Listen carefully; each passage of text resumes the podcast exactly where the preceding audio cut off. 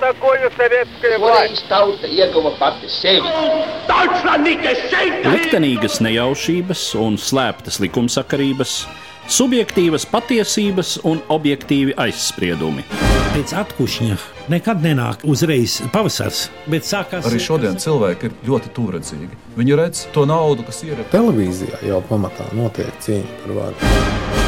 Pagātne no šodienas skatu punkta un šodienas caur pagātnes prizmu.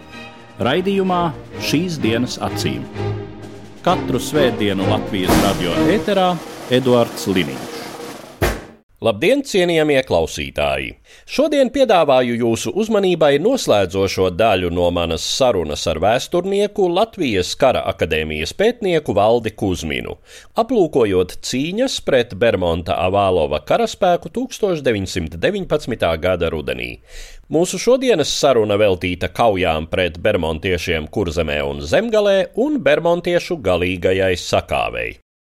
Blīdšlāga un Fondergolds izstrādātais plāns, ka caur ķekavu mēģināt nogriezt Latvijas armijas vienības pozīcijās uz rietumiem no Rīgas. Mēs redzam šeit plānu, mēs redzam komandieru nodomu. Kad šis uzbrukums sākas visā pārējā rietumu Krievijas brīvprātīgo armijas interešu zonā, mēs redzam, ka nekāda plāna īstenībā nav. No tāda kopējā skatu punkta svarīgi bija uzbrukums Rīgai, bet kritiski svarīgs bija šauļu apkārtne. Šauļos ir dzelzceļu mezgls, dzelzceļa līnija, kas iet no Jālgavas uz Rīgu, un no šauļiem dzelzceļa līnija, kas iet no mažaiķiem tālāk uz Liepāju. Dzelzceļa līnija, kas savienot Liepāju ar Jālgavu, patiešām tajā brīdī neeksistē. Līdz ar to šauļu apkārtnē Virguliča grupa, kas veidojās, tā, tādā veidā tur arī paliek. Ja mēs skatāmies uz šīm pārējām plēves grupu, kas pēc tam mēģinās uzbrukt Liepājas virzienā, kuldīgas apkārtnē, mēs redzam, ka tur īstenībā nekāda plāna nav. Šīs vācu, reizēm krievu vienības pie Tukuma, tālāk uz ziemeļiem, Ventspils, Valdemāra pils, visos šajos reģionos mēs redzam, ka ir atsevišķas komandatūras, kuras pēc kara darbības sākuma ar ļoti lielu novēlošanos mēs varētu pieņemt. Ja reiz 8. oktobris ir uzbrukuma sākums, vai nu tad mēs uzbrukam visus spēkus, koncentrējam Rīgas virzienā un darām visu, lai šo Rīgu ieņemtu. Ja mūsu nodoms tomēr ir mēģināt paplašināt mūsu teritoriju, tad šajā 8. oktobrī to mēs darām, bet to mēs īstenībā neredzam. Piemēram, Kuldīgā ir Berdinga brīvprātīgo vienība, kas tur ir kopš 1918. gada decembra. Tad viņas no turienes izdzina, tad februārī viņi tur nonāca atpakaļ. Viņi tur kuldīgā dzīvo, viņiem kuldīgā patīk. Viņi tur ir nodibinājuši savu komandatūru, viņi ir izveidojuši savu policiju, viņiem ir kārtība, ir dokuments kur apraksta, kā februāra beigās, martā un aprīlī latviešu komandants grib tur ieviest savu kārtību. Bernings saka, tā pārfrāzējot, paldies par jūsu rūpēm, bet kuldīgi ir mūsu pilsēta un mēs šeit diktējam spēles noteikumus.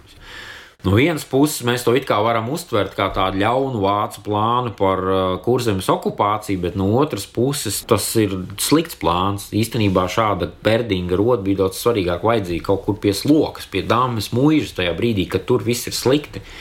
Berdings rīkojās kā ar savu privātu īpašumu. Un šī kara darbība kurzemē no latviešu puses ir diezgan līdzīga. Šeit ir vesela rinda komandatūrām tiek formētas dažādas partizānu vienības, piemēram, Dombrovska. Ļoti slavens jātnieku komandieris Pirmā pasaules kara laika. Viņš bija Kalpaka bataljona atsevišķā jātnieku vienībā, viens no tādiem slavenākajiem.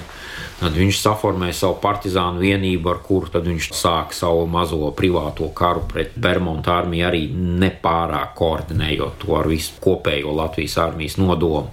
Kurzem ir tāds haotisks karš, un ko mēs redzam arī no Latvijas valsts vēstures arhīvā esošajiem dokumentiem, un ko pēc tam Latvijas valdība mēģināja apkopot Bermuda Vālava armijas nodarītos zaudējumus, redzams, ka tur notiek rekvizīcijas pilnīgi haotisks.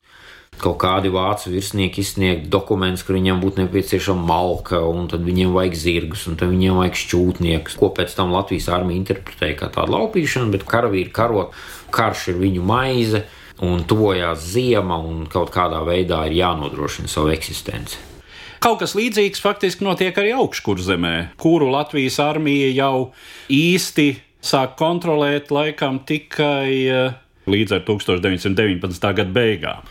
Ja mēs tā augstkurzemē skatāmies tādā plašākā mērogā, kas notiek pie Daugopils un šī lielākā tanku kauja, par kuru mēs neko nezinām, kas notiek Daugopils pievārtē, Polijas armijas uzbrukums, Lietuvas armijas uzbrukums un saspīlētā situācija starp Polijas armiju, Lietuvas armiju, Lietuvas armijas sastāvā formāli kādu brīdi esošās latviešu partizānu vienības. Šeit, kad mēs runājam par partizāniem, mums jāsaprot, arī mēs runājam par zaļo armiju un veckalniņu partizānu vienībām. Šodien mēs runājam par partizāniem, un mēs mūsu pēdējo seriālu kontekstā sarkanais mežs, mums tā partizāni tāda dzīvo bunkurā, tur slēpjas.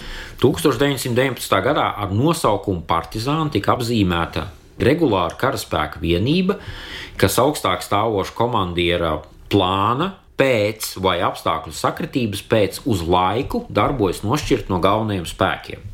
Partizānu vienība no franču valodas, tas vēl ir tāds sens termins no 17. gadsimta, kad šādas vienības tur funkcionēja. Un slavenais Dartaņāns. Viņš bija partizāņu vadonis, tāpēc viņš kļuva slavens un tādēļ viņš kļuva par prototipu tam Dartaņānam, ko mēs zinām šodien.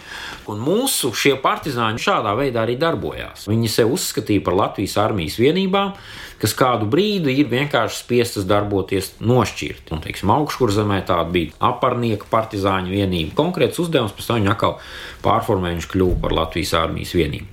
Tādā ziņā partizāņi bija drīzāk sarkanie partizāņi, kas kurzemē darbojās, tā saucamie kretulieši, kretuļu bandas. Viņi bija tie, kas mūsdienu izpratnē jau ir partizāņi. Kurus tad ilgstoši ar mainīgām sekmēm mēģināja ķert gan vācu vienības, gan arī latviešu vienības. Ja mēs runājam par šo haosu Ziemeļkurzemē, tad tur vēl bija arī trešais spēks, kas salīdzinoši lielu vietēju iedzīvotāju atbalstu kurš no meža noskatījās un tikai aplaudēja par to, kas tur notiek, ja tā varētu teikt. Lai gan, protams, zaļajās armijās pamatā bija vietējie iedzīvotāji, kas sākotnēji sāka cīņu ar savu privātu iniciatīvu. Un kaut kur sadabūtiem ieročiem un ēdot to, kas pašiem mājās bija, nu un tad ar laiku iekļaujoties. Ja iespēja bija, viņi pievienojās, jo, piemēram, ja mēs atgriežamies Rīgas kājās un skatāmies bildes, fotografijas, kāda izskatās Latvijas armijas karavīri pārdaugavā, Viņu formas tērps neko īpaši no partizāņiem neatšķirās. Tur var saskaitīt 4-5 dažādas formas tērpus. Dažs laps ir vienkārši melnā metālī un nāģeņa galvā. Pēc būtības tas tāds pats partizāns jau ir. Tas, kas notiek jau oktobra vidū pie Jaunjēlgavas, Bermontiešu spēki mēģina virzīties arī austrumu virzienā cauri zemgājas austrumdaļai un tā sauktējai augškurzemē, respektīvi Sēlijai. Jā, kauja pie viesītes, kas faktiski bija pirmais Latvijas armijas sekmīgā kauja. Tajā brīdī, kad notiek šī virzība uz austrumiem un kaujas pie Jaunjēlgavas. Galvenā nozīme, kādēļ augškurzemē šīs kaujas notiek, bija brīdī, kad ir skaidrs, ka plāns A nenostrādāja, tādu Rīgu ieņemt un Latvijas armijas vienības pārdaugā iznīcināt neizdodas. Rodas aizdomas, ka Latvijas armija mēģinās forsēt Daugo pie Ņauņogavas, un to 4. valmieras kājnieku puku vienības arī darīja, un atsevišķas kavalērijas vienības arī. Tāda no Bermuda vālo skatu punkta tas bija apdraudējums viņu dienvidu flangam, un viņi mēģināja izvirzīties pēc iespējas tālāk uz austrumiem gar Daugo, lai nodrošinātu šo vājo punktu. Cita lieta, ka Latvijas armija arī to uztvēra kā apdraudējumu savam flangam, un tas bija arī iemesls, kādēļ no austrumu frontes tiek ņemtas nos dažādas vienības, tiek veidotas dažādas kaujas grupas, asmaņu kaujas grupu un tā tālāk, kuras tad iesaista. Varētu teikt, ļoti sekmīgi. Jo, ja mēs skatāmies no tāda viedokļa, kur tad Latvijas armija parādīja to, ko viņi spēja, tad īstenībā augškurzem arī bija tas pirmais piemērs, kur salīdzinoši ierobežotiem spēkiem tika gūti arī chronoloģiski pirmie panākumi. Cik lieli ir tie spēki, kurus Bermonds pārsviež uz šo savas armijas labo flangu? Mēs runājām, ka tas diezgan būtiski samazina Bermonda spēkus Rīgā. Viennozīmīgi. Pēc Pētera radziņu publicētiem un arī kas ir redzams no oriģināla dokumentiem, šis kaujas spēku novērtējums, kas atradās Rīgas virzienā, bija no 12 līdz 15 tūkstošiem karavīru. Skaitliski lielākā un kaujaspējīgākā bija dzelzceļa divīzija, kas palika Rīgas apkārtnē. Šeit mēs varam runāt par apmēram no 5 līdz 7 tūkstoši. Tad bija Vācu leģions, kas tieši tika pārsviests uz dienvidiem no Dolas salas, Jaunjēlgavas virzienā un atsevišķas vienības arī Jēkabpils virzienā. Šeit mēs varam runāt par 3 līdz 4 tūkstošiem. Un tad seko krievu vienības, kas bija skaitliski arī kaujas spēja ziņā vismazākās, tas ir no pusotra līdz maksimums 3000. Jaunjēlgavas virziens, un šeit arī mēs redzam, ko jūs nevienreiz vien esat minējuši, šo Bermuda vālo, kā man liekas, tādu kopējā plāna trūkumu. Ko tad mēs darīsim? Mēs tad ieņemsim Jaunjēlgavu, vai mēs celsimies pāri Daugavai, ja necelsimies. Ja mēs virzamies Jēkabpils virzienā, cik tālu mēs virzamies? Ieņemsim Jēkabilu un ko mēs darīsim tālāk? ar katru kilometru, ko mēs ejam Jēkabpils virzienā, mūsu fronte izstiepjas un kļūst ar vien vājāk un vājāk kopumā. Bermons, bet viņš taču nav vienīgais. Viņam ir līdzās tomēr vācu virsnieki ar zināmu pieredzi. Un... Nu šeit jāsaka, ka paša Bermuda Vālo armijas štābā ir arī diezgan labi virsnieku biogrāfijas analizētas. Krievu vēsturnieki ir arī rakstījuši. Viņi bija monarhisti, viņi bija Krievijas patrioti, dziļi dvēselē. Un tad ir dzelzceļa divīzija, kas ir pati pa sevi. Un to mēs redzam no Majora Bišofa kaujas aprakstiem, faktiski viņa memoāriem, kur tādu dzelzceļa divīziju, kā viņš sāka veidot 1919. gada janvārī, un kāda dzelzceļa divīzija tika uzbūvēta līdz 1919. gada oktobra sākumam, tas augstākais posms, viņa kaujas spēja. Šī dzelzceļa divīzija uzskatīja pati par sevi Viņi bija savas vienības patrioti, Un, ko mēs redzam no kaujas aprakstiem, tā kauja par Torņa kalnu. Bišovs apraksta tikai, ka karo viena pati dzelzceļa divīzija. Viņš Krievu vienības vispār nepieņem. Tas ir tas lielākais trūkums, kas šeit ir. Līdz ar Golca aizbraukšanu. Tur arī Guderians bija un Kleists, un ļoti daudzi virsnieki saprot, ka te īsti nebūs aršana ar šiem Krievu ļoti patriotiskiem, bet ne pārāk spējīgiem virsniekiem memoāri, kur piemēram ir aprakstīta situācija Jelgavā vēl 1919. gada vasarā. Pretizlūkošanas virsnieki Krievijas tautības tiek apvainoti zādzībās, un vienā brīdī pat tiek noslapkavot divi vācu virsnieki, kas mēģināja izmeklēt noslēpumainās zādzības Jelgavā, un tur notiek vesela krimināla drāma. Un starp vācu un krievu virsniekiem šī attieksme vienam pret otru nebija spīdoši. Šeit bija jābūt harizmātiskam, talantīgam komandierim, kāds bija Fondergolds, lai ko mēs par viņu runātu, bet tā ir patiesība. Un Pāvils Bermans Vālovs tāds vienkārši nebija. Bermuda vālo armija nonāk neizbēgamā saskarsmē arī ar Lietuvas bruņotajiem spēkiem. Droši vien arī uz Lietuvu Avalos Bermons un šie krievu virsnieki skatās tāpat kā uz Latviju, ka tas ir tā sacīt limitrofs, vēlāk laika terminoloģijā runājot, bet sākotnēji, cik var noprast, mēģina ieturēt tādu neutralitāti. Šeit es gribētu uzsvērt, ka tā kaujas darbības starp Lietuvas bruņotajiem spēkiem bija stipri ierobežotākā apjomā. Šauļi dzelzceļa mezgls ilgstoši bija Vācijas bruņoto spēku tāds līdzīgi kā kuldīgi. Tur arī bija savas vienības, kas kopš jau 18. gada decembra bija tā teikt. Uzskatījis, ka tas ir mūsu misija, šauļus aizsargāt, tur šajos šauļos dzīvoja. Šeit mēs varam runāt par dažādām lietuviešu brīvprātīgo vienībām, kas formējās piemēram Žemaitijā, kas piedalījās arī kaujās pret lielniekiem un arī kaujās pret lietuviešu padomju vienībām. Un šī sadarbība starp Lietuvas un Vācu bruņotajiem spēkiem bija no efektivitātes viedokļa daudz sekmīgāk nekā starp Latviešu un Vācu vienībām. Šeit mēs varam runāt par tādiem saksijas brīvprātīgajiem, kas tika vērvēti uz daudz konkrētākiem pamatiem, un šīs armijas bija vairāk integrētas savā starpā. Bermuda Vālova armijas lielākā sastāvdaļa tie paši vācieši jau vien bija. Ja mēs runājam par šo Lietuvas bruņoto spēku iesaisti, tā bija drīzāk tāda oportunistiska, redzot, ka Bermuda vālo armija cieši sakāves, un tur nekāda laba rezultāta nebūs, ka viņi izmantoja šo iespēju. Ja mēs runājam par Bermuda vālo armijas evakuāciju uz Vāciju, tad no Lietuvas skatu punkta viņi nebija stipri interesēti tāds slavenais 17. gadsimtā bija Hotkevičs teiciens karā pret turkiem, kad nekad nevajag žurku iespiest stūrī. Es gribētu raksturot šo Lietuvas attieksmi pret Bermuda vālo armiju. Jā, viņi tur ir, jā, īsti mums viņi nepatīk, bet mēs drīzāk dosim viņiem iespēju atkāpties.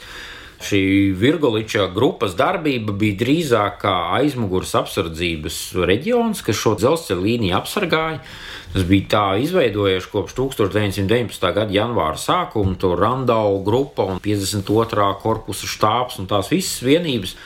Viņas ieņēma šauļus, tāpēc, ka tam bija praktisks iemesls, dzelzceļa līnija, un šauļos viņa arī palika. Un es domāju, ka arī viņa saistība ar Bermuda vālo bija tāda ļoti, ļoti, ļoti nosacīta. Bermans pēc tam viņus iekļauj savā grāmatā, tajos mistiskajos 50 tūkstošos. Viņš uzskaita visu, kas tur ir. Bet cik viņš bija spējīgs viņam dot pavēles, es ļoti šaubos. Mums vēl ir jāpievēršas nopietnākajām kaujām pēc kaujas par Rīgu, pēc Rīgas atbrīvošanas, un tā ir Liepājas aizstāvēšana, kas sākas jau 4. novembrī, bet pēdējais nozīmīgais uzbrukums no Bermuda puses nāk 14. novembrī. Jā, viennozīmīgi. Ja mēs runājam par Ziemeļkurzem, kur ir tāds haotisks partizāņu karš, tad Liepājas aizstāvēšana ir viena no Bermudiādes spilgtākajiem posmiem, kurā savā ziņā arī iezīmējas tie paši svarīgākie punkti. Latvijas armija ar nepārāk labu bruņojumu, ar nepārāk labu apmācību. Tas bija Lējas kurzemes kara apgabals. Sākotnēji komandieris bija Pūkets Mārtiņš Peniķis, pēc tam komandieris ir Oskars Dankers. Un Liepāja kopš 1918. gada decembra, un arī vēl ilgstoši pēc tam bija viena no svarīgākajiem rietumu sabiedrotajiem jūras flotes bāzēm, un arī viena no tām vietām, caur kuru rietumu sabiedrotie īstenoja to milzīgo humanitārās palīdzības kampaņu. Pirmā latviešu regulārā vienība, trešais Jāgaus kājnieku pulks, pārsviests no Rīgas turieni jūnija beigās, pēc tam viņš tiek pārdevēts par 7. Sigūdas kājnieku pulku. Šis pulks daļa ir Liepājā, daļa Rīgā, un tad šīs vienības tiek formētas uz vietas. Tiek izveidota rezerves vienība, komandatūras un nosacītas partizānu vienības bija ļoti izteikti spēcīgas, piemēram, grobiņas brīvprātīgo rotu. Tie ir vietējie iedzīvotāji, kas noticēja brīvas Latvijas idejai. Viena no tām daļām, kas diezgan agresīvi pretdarbojās 16. aprīļa puča laikā, teiksim, Durbes komandatūra, Grobiņas komandatūra. Šī lejas kurzeme bija tāds ļoti liels Latvijas armijas un Latvijas patriotu atbalsta punkts. Un pēc tam, kad jau ierodās Lējas kurzemes kara apgabala komandieris, tad arī sākās šo vienību formēšana. Līdzīgi kā visur citur varēja notikt labāk, bet kā notika, tā notika. Šajā gadījumā tas rietumu flotes atbalsts arī tika dot ieroči, dot instruktoru apmācībai, un viss šis process notika lēnām, bet šeit mēs redzam vismaz komandieru un šī komandieru nodomu. Bermontiešu nolūks uzbrukot Liepājai un uzbrukot vēl pat brīdī, kad Rīga jau ir zaudēta nodoms īsti man personīgi nav skaidrs. Tādu uzbrukumu īstenoja plēves grupa, kas tika balstīta uz otrā gvārdas rezervu pulka bāzes. Tātad šīs daudzās vienības, kas kopš 1919. gada janvāra ieradās Latvijā, un viņas tur Latvijā palika dažādās vietās, viena no tām ir vācu virsnieka plēves vadītā grupa Un 8. oktobrī notiek uzbrukums Rīgai, un tad ir jautājums, ja mēs gribam liepāju, lai kāds tas būtu iemesls, kāds būtu iemesls mums gaidīt veselu mēnesi līdz 4. novembrim. Šeit taisnības labāk jāsaka, ka kaujas darbība jau sākās nedaudz ātrāk. Uzbrukumi tai pašai grobiņas komandatūrai, aizputēji, Berdinga garnizons, jau komandatūra viņiem dod pavēli ieņemt aizputi, viņi aizputi ieņem, latviešu vienības atkāpjas uz Pāvilostu, bet tas nodoms, ka Šī plēves grupa apmēram 3000 cilvēku sastāvā, un Latvijas armijas sastāvs apmēram mēs viņu varētu vērtēt līdzīgi. Tur grūtības, kā mēs skaitām. Tur, piemēram, rezerves bataljonā bija vairāk nekā 2200 cilvēku apmēram, bet nu, ieroči bija tikai nepilniem pāris simtiem, 1007 šaltenis, piemēram, viņiem trūka. Nu, tad kā mēs viņus rēķinām? Bet nu, mēs varētu pieņemt, ka tas sastāvs ir līdzīgs. Un tad uzbrukums 4. novembris ir pirmais mēģinājums uzbrukt Uz šīs dzelzceļa līnijas arī vēsturiski bija darbojies bruņotais vilciens, vācu bruņotais vilciens, kas vai janvārī, februārī bija kaujās piedalījies. Tad arī šo bruņoto vilcienu mēģina izmantot. Arī Latvijas armijai ir bruņotais vilciens Kalpaks, komandieru Kļestro vadībā, kas, diemžēl, 4. novembrī arī šajā kaujā krīt savstarpējā apšaudē. Arī braucot iekšā liepājā, kreisajā pusē pie dzelzceļa pieminiekta, arī ir redzams bruņotā vilciena kalpaks komandieru piemineklis. Bet, ja mēs skatāmies, kas bija tas uzbrukumā mērķis, tad es personīgi neesmu redzējis tādu izklāstu, ka mēs gribam ieņemt liepā, jo mēs ar to sasniegsim to un to un to. Tas, ko mēs redzam no dažādiem aprakstiem, vienkārši notiek uzbrukums, uzbrukuma pēc. Tāds iespējas rodas, kas arī norāda šo dezorganizētību visā šajā armijā kā tādā. Tātad mēs ieņemam liepāju un nonākam militārā konfliktā ar Angļu floti kuras kopējais lielgabalu skaits bija 62 lielgabalu. Un ko mēs tagad darīsim ar angļu floti? Kāds ir mūsu plāns ar viņiem rīkoties? Man liekas, tā ir tāda karošana, karošanas pēc. Uzbrukam, lai nodrošinātu sev labākus varbūt ziemas apstākļus, vēl kaut kādas citas apstākļus. Bet es būtu laimīgs, ja kāds no vēsturniekiem man personīgi varētu norādīt, kur meklēt šo lielo nodomu. Es personīgi tādu neesmu atradzis. Bet cik šī kauja ir nopietna? Kauja ir nopietna, jo Šajā gadījumā Latvijas armijas plāns bija izmantot veco liepājas cietokšņa saspridzinātos forts, un tas tāds diezgan savā ziņā paradoks, ja tā varētu teikt. Šo liepājas jūras cietoksni uzbūvēja 19. gadsimtā, vēl pirms Pirmā pasaules kara sākuma konstatēja, ka cietoksnis nebūs spējīgs pildīt savu funkciju.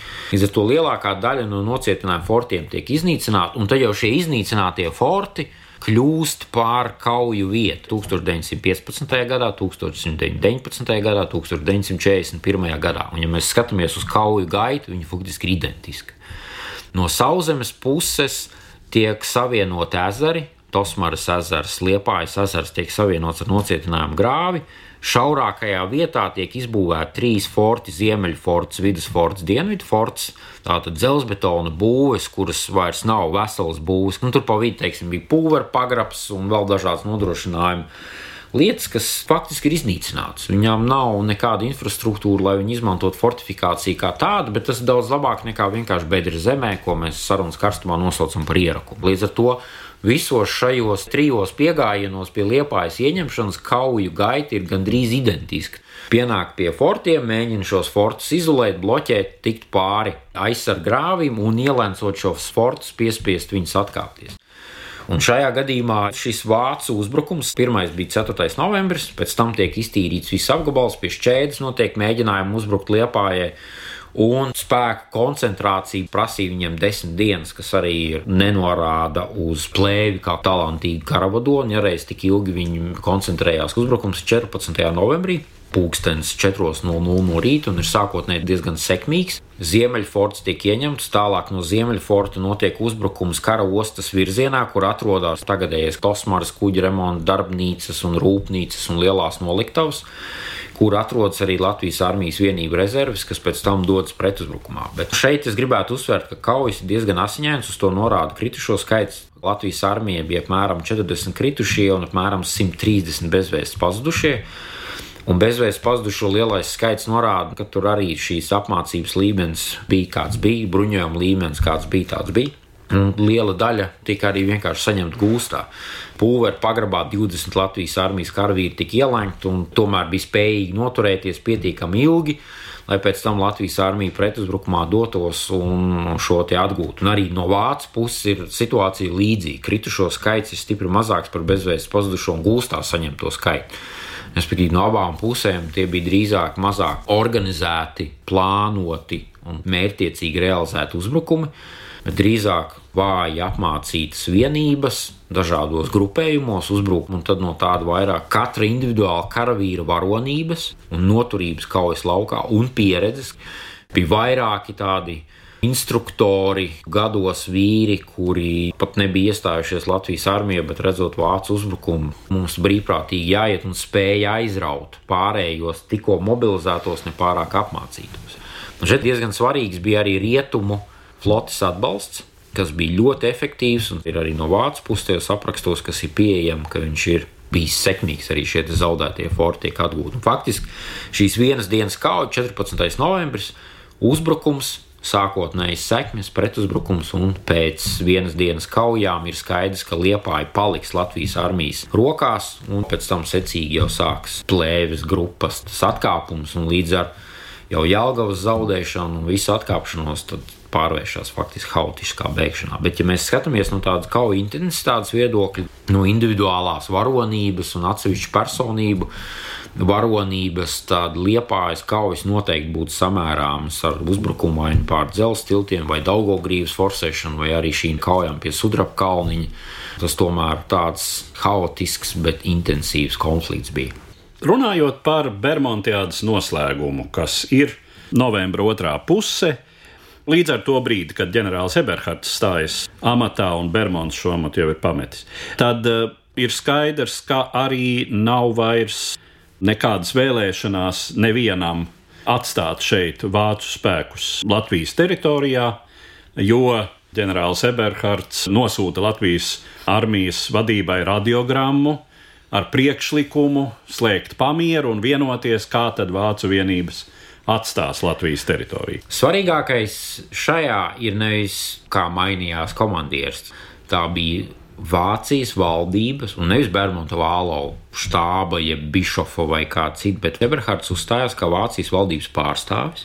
Un ar lūgumu sākt pamieru sarunas viņš reizē arī deklarēja, ka viņa rīcībā esošās karaspēka vienības ir Vācijas valsts vienības. Tātad Vācijas bruņotie spēki. Un šajā gadījumā šeit vairs nav runa par Rietumkrievijas brīvprātīgo armiju. Un šajā gadījumā ir tas, manuprāt, viens no viskuriozākajiem no vienas puses, no otras puses, manuprāt, arī traģiskākajiem notikumiem Latvijas kara pieteikums Vācijai, kas ir 25. novembris, varētu norādīt uz nesen publicētajām franču pārstāvju Diparkē atmiņām, kurā viņš raksta, ka tā bija Latvijas armijas kļūda. Jā, viņš saprot, kāds bija iemesls, kādēļ mēs turpinājām uzbrukumu. 21. novembrī tiek atbrīvot Jālga, un tieši 18., 19., 20, 21. ir pēdējās kaujas, faktiski, kas notiek Jālgavas apkārtnē visas vācu vienības atkāpjas uz Jālu līdz brīdim, kad šeit ir karaspēka koncentrācija, kas nodrošina viņiem sekmīgu kaujas vadību. Ko mēs redzējām iepriekš, viens atrodas pie Jaunjēlgavas, viens pie Daugogrīvas, nav skaidrs, kurš ko komandē. Tad mēs šeit redzam, ka ir beidzot visi Jālgavā, un viņi var sākt darboties. Vācu leģions ir sadalīts divās daļās, pirmā brigāde un otrā brigāde. Viņi sāk efektīvus pretuzbrukumus. Bet līdz ar 21. novembri, kad uh, Jālgava krīt, ir skaidrs, ka te viss ir beidzies. Un Diparkē rakstīja, ka svarīgākais, ko Latvijas armijai vajadzēja darīt, vajadzēja turpināt uzbrukumus, bet nekādi oficiāli nevajadzēja reaģēt uz šo Eberhārta paziņojumu. Vienkārši izlikties, ka mēs neko nesam saņēmuši vai, teiksim, paziņot, jā, mēs sūtām telegrammas, sūtām ziņnešus, pasta baložas mūsu karaspēku vienībām, drīz viņas apstāsies, turpinām sarunas, darām visu un turpināt šo uzbrukumu. Latvijas valdība izvēlējās cīņas karstumā tādu vairāk oficiālu pieeju. Tas bija reāls kara pieteikums. Akadēmiķis Ines Feldmans Vācijas arhīvā ir atradzis šo oriģinālo dokumentu, Ir arī Vācijas valdības stenogrammas saglabājušās, kur viņi apspriež, ko tad mēs tagad darīsim un ko mēs redzam, tas pēc tam tālāk. Latvijas un Vācijas savstarpējās attiecības ļoti būtiski apgrūtināt. Jautājums, vai vajadzēja tiešām šādā veidā to karu pieteikt? Un, nu, skaidrs, ka pieteikt karu Vācijai tas tāds. Mēs arī esam valsts. Jā, tāds sens Latvijas sapnis pieteikt karu Vācijai, bet personīgi man ir viens tāds pētniecības jautājums, kas būtu jānoskaidro, nu kā tad notika šī lēmuma pieņemšanas process. Kurš bija iniciators?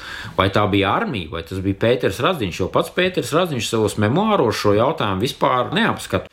Kāda bija diskusija, kāda bija varianti, vai tiešām tas bija vienīgais variants, ko mēs uzskatījām par pieņemamu ko mēs redzam vēlāk diplomātiskajās sarunās, ka šis pieteiktais karš formāli tāds arī ir palicis. Miera līgums netika noslēgts. Vācija tomēr izvēlējās atstāt iespējas atvērtas, un šeit mums arī jāatcerās to sāsinājumu ar Landesvēra pieminiektu spridzināšanu meža parkā un tāda ļoti aso Vācijas rīcība šajā vietā. Un mums jāatcerās, ka ļoti ilgstoši Latvijas armijas aizsardzības plāni bija pret Vāciju. Un šis formālais kara pieteikums, kas tā arī formāli nekad netika atrisināts, manuprāt, bija būtisks iemesls, lai šīs attiecības neveidotos ideāli. No militārā viedokļa tā vienkārši ir maksimāli ātra un ar minimāliem zaudējumiem spēku atvilkšana, kas tad līdz ar decembra sākumu arī ir noslēgusies. Jā, noslēgusies decembra sākumā. Latvijas teritorija tiek atbrīvota no Bermuda Vālova armijas paliekā, pat vēl vairāk. Latvijas armijas vienības atradās arī Palangā, kas tagad ir Lietuvas teritorija. 20. gadu sākumā mēs mīļām mieru labad no Palangas atteicāmies.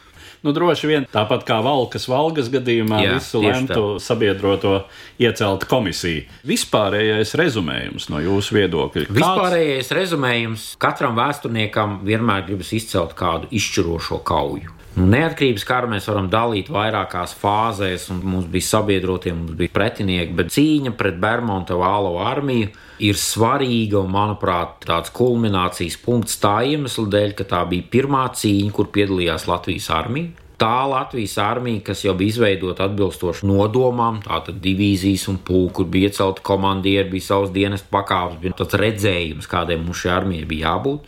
Šo Latvijas armijas cīņu vadīja Latvijas pagaidu valdība kā politiskais lēmumu pieņēmējs, un šī Latvijas armijas cīņa bija sekmīga. Rīgas iedzīvotāji kļuva par kara tiešiem dalībniekiem. Un brīdis, kad šis karš beidzās ar uzvaru, ir ļoti emocionāli svarīgs. Politiķi, kas kaut vai formāli iestājās studentu bataljonā, bija vesela politiķu vienība, kas no darba brīvajā laikā gāja uz ierakumiem, un Kārlis Ulmans, kas tika ievainots un saņēma šo ordeni.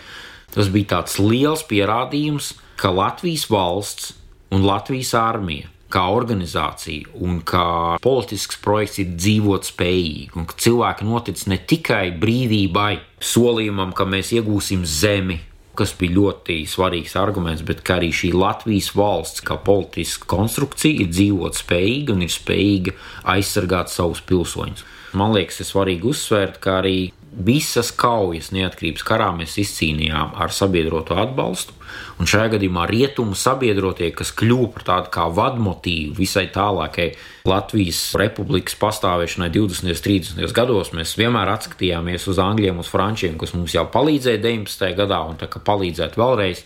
Tas tāds ļoti svarīgs brīdis, lai mēs saprastu, ka mēs neesam vieni paši, Un, ja mēs būsim spējīgi nodrošināt paši savu neatkarību, tad arī mums būs sabiedrotie, kas mums palīdzēs šo neatkarību izcīnīt un nodrošināt pastāvēšanu nākotnē. Ar to mēs arī noslēdzam mūsu sarunas, kas bija veltītas Bermuda avālo uzbrukumam Rīgai un šīs armijas sakāvei. Un es saku paldies manam sarunbiedram, vēsturniekam Valdim Kusminam. Paldies! Katru svētdienu Latvijas radio viens par pagātni sarunājas Eduards Līniņš.